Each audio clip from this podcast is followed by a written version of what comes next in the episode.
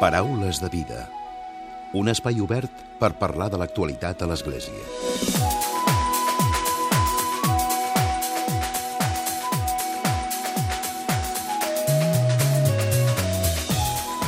Què tal? Salutacions i molt bon dia, molt bon diumenge. Avui volem parlar de la gent gran i és que la Fundació Pere Tarrés i la Fundació Cuberes Donlo han presentat aquesta setmana les conclusions d'un estudi sobre l'envelliment actiu i persones en situació d'aïllament a Barcelona. Ens diuen que l'objectiu és ajudar a la construcció d'una cultura de respecte a l'autonomia de les persones grans i també de la valoració de les seves capacitats. No en va, la realitat demogràfica ens indica un increment del nombre de persones grans a la societat i, per tant, un col·lectiu sobre el qual s'haurà de treballar de cara al futur. Com a xifra també a destacar cal dir que el 18% de la població catalana té més de 65 anys. D'aquests, el 25% es concentren a la ciutat de Barcelona. De seguida en parlem de tot plegat i ho fem amb la Núria Comas, que és autora d'aquest estudi elaborat per la Fundació Pere Tarrés, i també amb Yolanda Portero, de la Fundació Cuberes Donlo.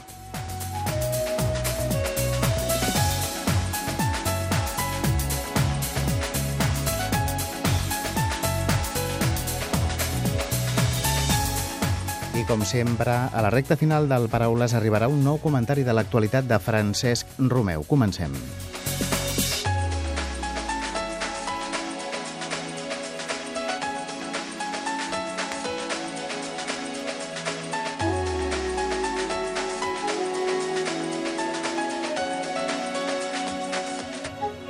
Núria i Yolanda, benvingudes al Paraules de Vida. Hola, bon dia. Parlem d'aquest estudi en primer lloc. Quin és el motiu? Per què es fa aquest estudi? I quins són els objectius, que crec que són tres grans objectius, que us plantegeu a l'hora d'elaborar-lo?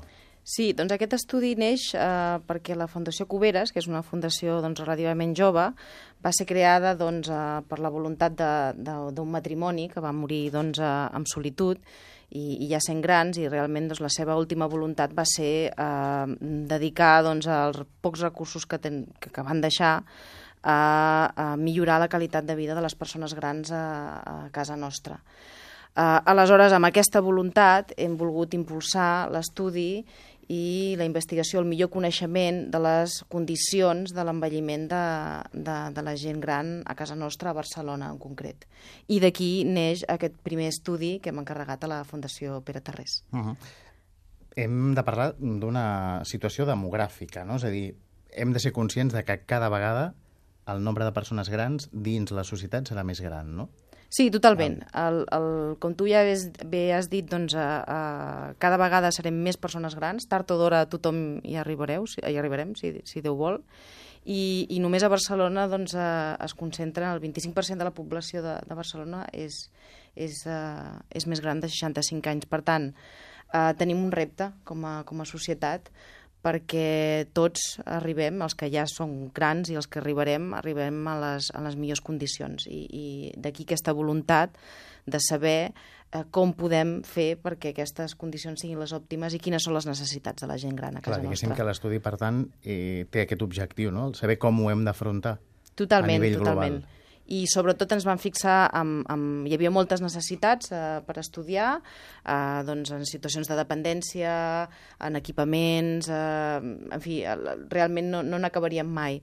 Però vam determinar que una, una de, les, de les parts més interessants per estudiar eh, era què passava amb aquestes persones que estan en situació d'aïllament i sobretot la relació que tenen amb eh, associacions de voluntariat que efectivament, com, com la Núria ens explicarà, l'estudi doncs, conclou que realment eh, la seva, el seu envelliment i, la seva, i les seves condicions de vida milloren gràcies a aquests lligams afectius. Clar, a vegades potser és pitjor la soledat que, que estiguin o que tinguin alguna malaltia concreta, no? Home, mm, tot influeix, tot però influeix, que la tot influeix, molt, no? però una de les, de les conclusions és aquestes, que, que els vincles afectius realment milloren, eh, milloren l'envelliment de, les, dels nostres grans. I la importància de la sensibilització, no? I de fer pedagogia sobre aquesta situació, sobre l'envelliment. Sí, sí, totalment. Uh, crec que, que desconeixem bastant uh, la situació de les nostres persones grans. Com deia abans, tard o d'hora tots hi arribarem, si Déu vol, i, i el que hem de fer és uh, uh, cuidar-nos ja des de, des, de, des de zero. De fet, l'envelliment, segons l'Organització Mundial de la Salut, eh, i en concret l'envelliment actiu és un procés de vida, és a dir, comencem a envellir des del primer moment en què, en què naixem. Per tant, eh, molt important eh, preparar tota, totes, aquests, totes aquestes situacions que ens ajudaran a envellir millor des de ja. És un repte que tenim tant a nivell d'institucions com de, de govern. Cada vegada, com tu dius, hi haurà més persones grans i, i creiem que ens hem de preparar des d'allà i quina, quina millor manera que, que conèixer què és el, amb el que hem de començar a treballar. I quin seria l'impacte que té eh, aquests programes, en aquest cas, Núria, sobre la, la gent gran i sobre el voluntariat, sobre aquelles persones mm -hmm. que hi estan també implicant-se? Doncs mira, si comencem parlant de les persones que en són beneficiàries, de les persones grans que, que estan soles, eh, en primer lloc té un impacte molt positiu sobre la seva salut emocional. O sigui, són persones que sovint no tenen més interacció que potser amb algun professional d'assistència o potser aquelles que poden sortir de casa doncs, eh, en el petit comerç, però que les seves relacions eh, s'acaben aquí. Llavors, el fet d'establir un vincle, que a més és un vincle significatiu, constant, i que es pot, eh, pot acabar sent una amistat eh, amb altres persones, en aquest cas voluntàries, eh, genera il·lusió, genera l'establiment d'unes rutines, mm, l'autocura la, mateixa, no? És tenir una il·lusió, no?, perquè saps que veuràs algú... Exacte, que al final és com, com qualsevol persona, no?, quan té una relació significativa, això és eh, positiu per ella. Això d'una banda. I després també mm, significa l'obertura, la possibilitat d'obertura a d'altres relacions i potser l'inici de noves activitats. O sigui, hem de pensar que aquest, aquests programes que estan destinats a combatre l'aïllament de la gent gran són programes que molt sovint s'enllacen amb d'altres, no? I que potser eh, la cosa comença amb una amistat, amb un, amb un, amb vincle, un vincle concret, però que potser s'acaba participant en activitats en grup, eh, s'acaba sortint de casa per participar en un taller d'un casal de gent gran, etc. Per tant, eh, és una cadena no. en positiu, no? Uh -huh. I beneficis per la gent gran i també pels eh, voluntaris, no? Exacte. En aquest cas, pels voluntaris, quins serien aquests, aquests beneficis? Els beneficis pel que fa als voluntaris, d'entrada el mateix, perquè eh, l'establiment d'un vincle d'amistat eh, sempre és positiu, no? I llavors també veiem que els voluntaris tenen aquest sentiment de sentir-se útil, d'establir de, una relació significativa, etc.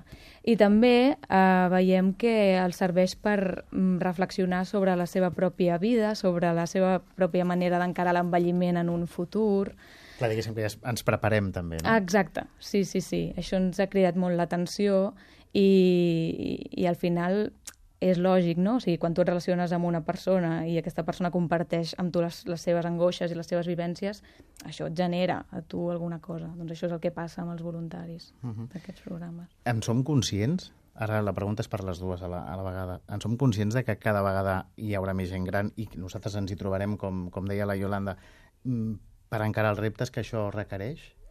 Jo crec que encara hi ha molt de camí per, per recollir, eh, per, per caminar. Uh, realment eh, s'estan duent a terme doncs, eh, programes, cada vegada es parla més de gent gran, cada vegada és un col·lectiu doncs, de fet, que es fa... es va dedicar, no? Va ser el correcte, de la gent gran. Correcte, tot, tot aquest estudi també el, el presentem perquè ahir, dia 1 d'octubre, va ser el, el dia de la, de la gent gran i, i creiem que és un bon moment per sensibilitzar sobre, sobre aquest no repte de, de societat. Un dia, no? Exacte, exacte. És, és una cosa que s'ha de treballar dia a dia. Però responent a la teva pregunta, jo crec que, que hi ha molt de camí per recórrer.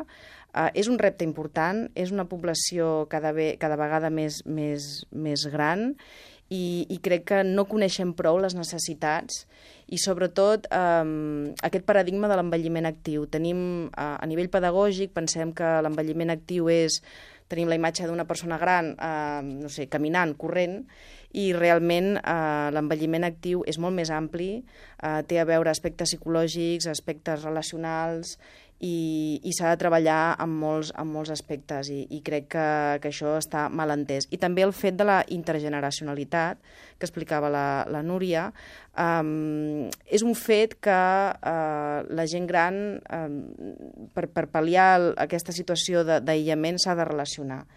Però Um, la relació, quan pensem en, en, en gent gran en contacte amb altres generacions, sempre pensem en gent gran en nens i no pensem en aquesta generació anterior, que és al final la que, la que doncs, es conclou amb aquest estudi um, que té més vincle amb, amb aquesta gent, gent gran en situació d'aïllament. Seria el perfil de voluntari aquest? Correcte, és el perfil de voluntari d'aquest tipus d'associacions i no, no pensem que, que, que aquesta franja d'edat, que és una edat intermitja, doncs també té unes necessitats, eh, que també està ajudant a aquest envelliment actiu i que al final preparar aquestes franges d'edats anterior a la última etapa de la vida és tan o més important que pal·liar les situacions que ens trobem amb gent gran en, en aquests darrers anys de la vida.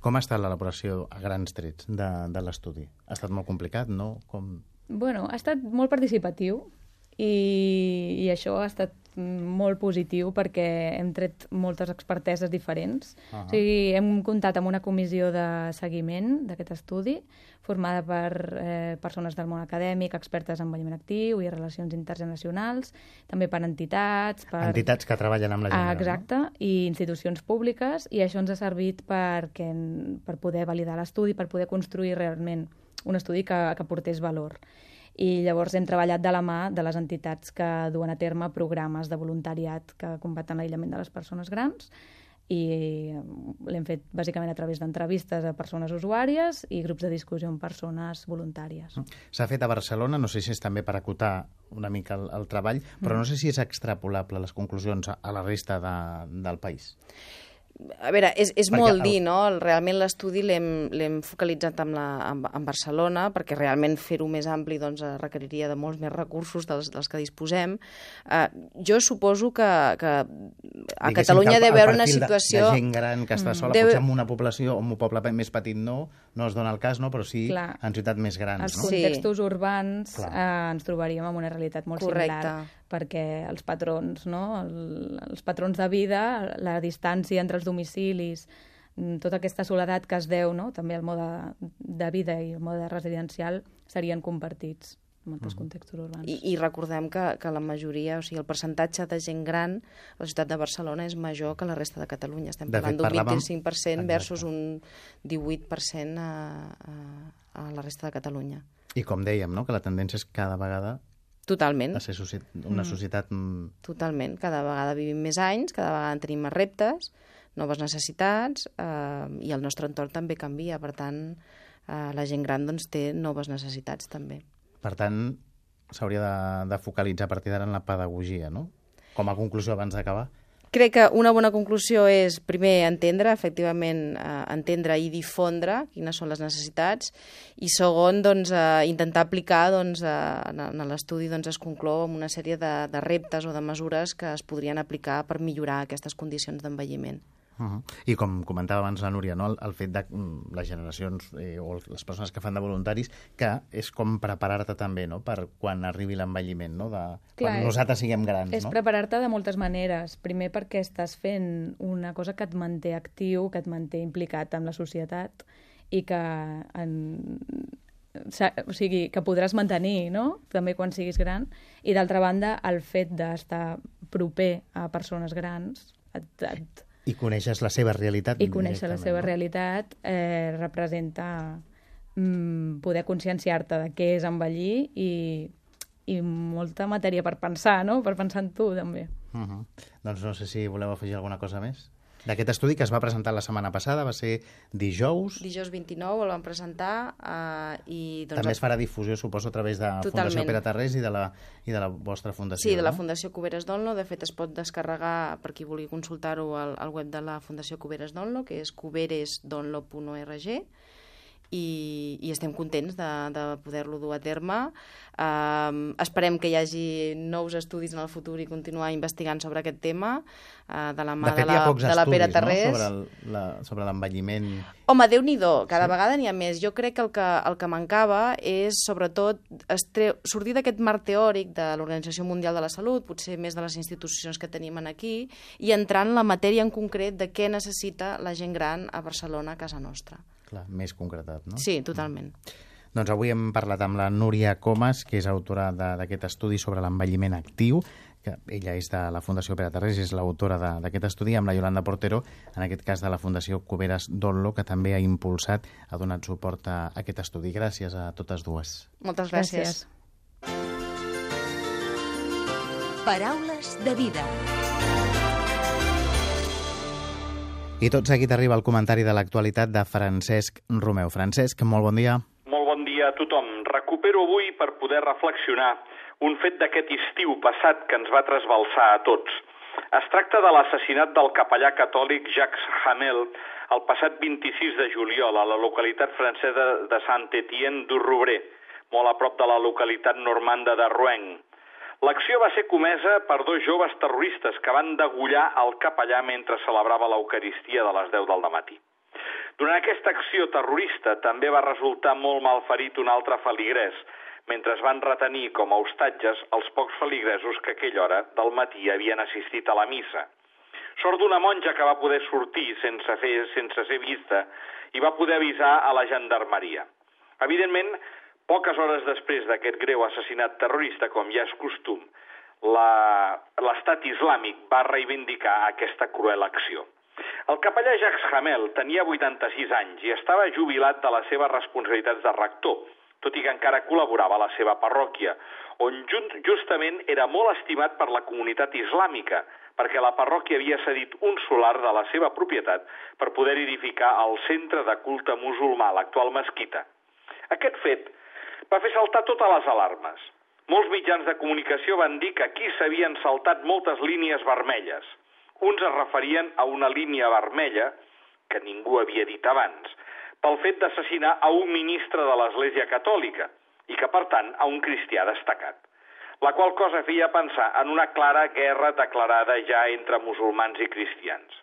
En aquest sentit, van ser molt aclaridores les paraules del papa francès tornant en l'avió a Roma des de Polònia després de la Jornada Mundial de la Joventut a Cracòvia. El papa va dir ben clarament que no és just dir que l'islam és terrorista. Sí que és veritat que el món està en guerra, però no es tracta d'una guerra de religions. No tots els musulmans són violents, ni tots els catòlics són violents. Hi ha violents d'aquestes religions.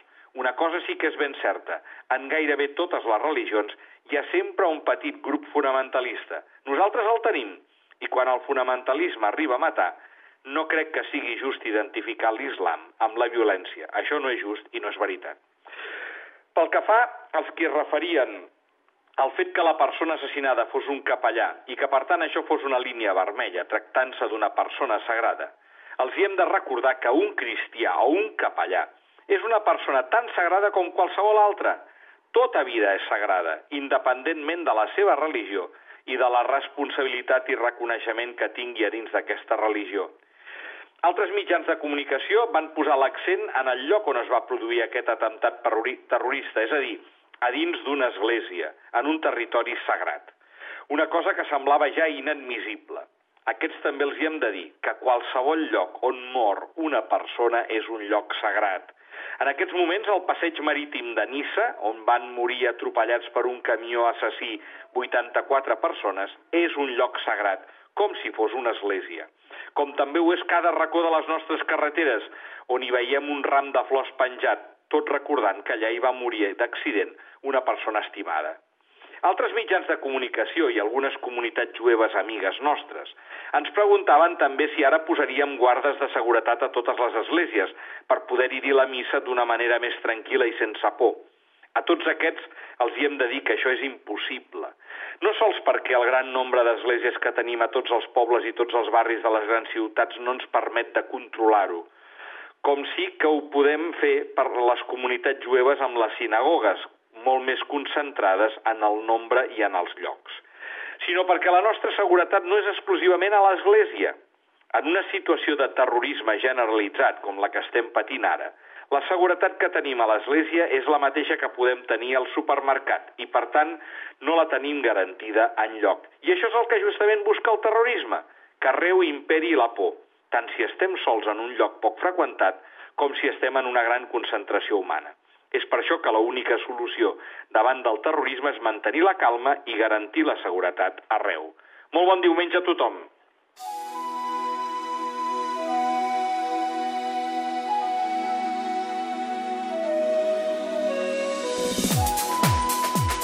Punt i final al Paraules de Vida d'aquest diumenge i d'aquesta setmana. En Josep Maria Marçà ha estat el control tècnic i qui us ha parlat, l'Emili Pacheco. Que passeu ben bon diumenge i una molt bona setmana.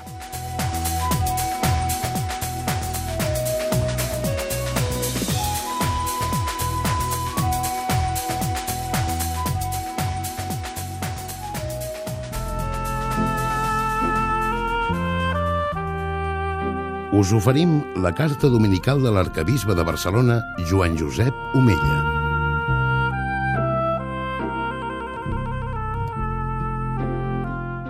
Déu vos guard. Fa uns anys vaig beneir un matrimoni d'uns joves que havien sigut alumnes meus a l'Institut d'Ensenyament Mitjà. Un any després van tenir el primer fill. Em van dir, la nostra vida ha canviat completament. Tot ha adquirit una nova perspectiva. Ens sorprèn que fins i tot veien els nostres pares amb una altra mirada. Els comprenem millor. I van afegir. Ens sentim més responsables, però el que més vertigen ens provoca és pensar que l'educació dels nostres fills està en les nostres mans. Quants pares han passat o estan passat per experiències de dolor davant el que ells anomenen el fracàs en l'educació dels fills. Es pregunten una i mil vegades en què hem fallat com a educadors? Tan malament ho hem fet perquè els fills rebutgin tot els que els hem transmès. Reprodueixo la vivència que una mare, muller d'un metge, va exposar en una trobada de famílies i que recull l'escriptor Piet van Bremen en el seu llibre Lo que cuenta és el amor. Diu així, La vida d'una mare és una aventura única. No passa un dia sense sorpreses. D'una d'aquestes aventures desitjaria parlar ara. És una aventura que va provocar un canvi en la meva vida i la meva família. Soc mare de cinc fills que ara tenen 21, 20, 19, 15 i 9 anys. I sóc una mare molt feliç, però no sempre va ser així. Hi va haver un temps no gaire llunyà en què vaig ser molt desgraciada. Em vaig adonar que no podia seguir ajudant els meus fills en els seus problemes. No ens entenèiem els fills es van apartar de nosaltres. La cosa va arribar a tal punt que la càrrega psíquica va afectar la meva salut. Vaig començar a tenir mals de cor i em passava les nits sense dormir. L'atmosfera de la nostra família era sumament tensa. Llavors jo resava molt. Un cop vaig pregar al Senyor, Senyor, Només tu pots ajudar-me. Digues-me què he de fer. I vaig rebre aquesta resposta. Torna'm als teus fills. Te'ls vaig confiar perquè els acompanyessis en el seu camí durant un temps, però ara torna a posar-los a les meves mans. No creus que els puc guiar millor que tu? I plena de dolor i d'alegria, així ho vaig fer. Un darrere d'altre vaig tornar a Déu tots els meus fills, amb les seves debilitats i els seus defectes, amb el seu encant i el seu amor, amb les seves esperances i els seus somnis de futur. Quin canvi s'ha produït des de llavors. Jo no tinc por del que hagi de ser dels meus fills encara que segueixin camins que no entengui. Hi ha una cosa de la que estic segura. Estan en mans de Déu. Tot sortirà bé. Una altra cosa que ha canviat és la nostra vida familiar. Pares i fills hem iniciat una nova convivència. Ara els nostres fills que estan estudiant no es limiten a venir als caps de setmana perquè els rentem la roba, sinó que a més, s'alegren d'estar amb nosaltres, de les converses i les experiències comunes. Per a mi és com si el Senyor m'hagués tornat a donar aquests fills. Gràcies. Fins aquí el testimoni d'aquesta mare. No em queda sinó dir a tots els i cadascun dels pares i dels educadors cristians els teus fills, els joves als que tractes d'educar, no l'olvides, estan en mans de Déu. Tot sortirà bé. Que Déu us beneixi a tots. Us hem ofert la carta dominical de l'arcabisbe de Barcelona, Joan Josep Omella.